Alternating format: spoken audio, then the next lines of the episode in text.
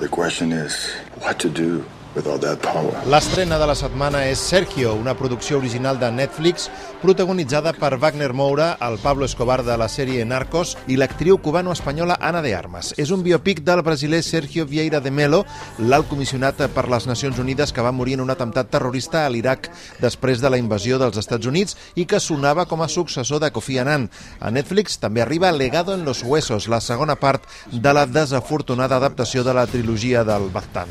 Altres pel·lícules disponibles a les plataformes de streaming aquests dies són Ad Astra, l'aventura espacial introspectiva de Brad Pitt, Una gran mujer, Vin Paul, un intens drama rus post-segona guerra mundial premiat a Canes, Venganza bajo cero, un dels habituals films de suspens de Liam Neeson i el drama romàntic adolescent a dos metres de ti.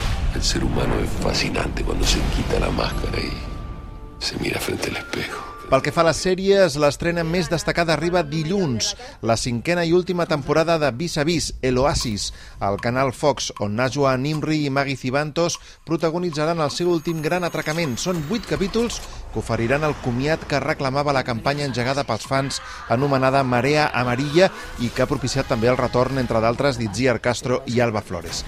A més, a Filmin s'estrena dimarts vinent la minissèrie Eden, escrita i dirigida per Dominic Moll, el director de Harry, un amigo que os quiere, sobre la crisi migratòria a Europa des de diferents punts de vista. I HBO presenten aquest divendres El último show, una sèrie d'humor protagonitzada per Miguel Ángel Tirado, més conegut com a Marianico el Corto.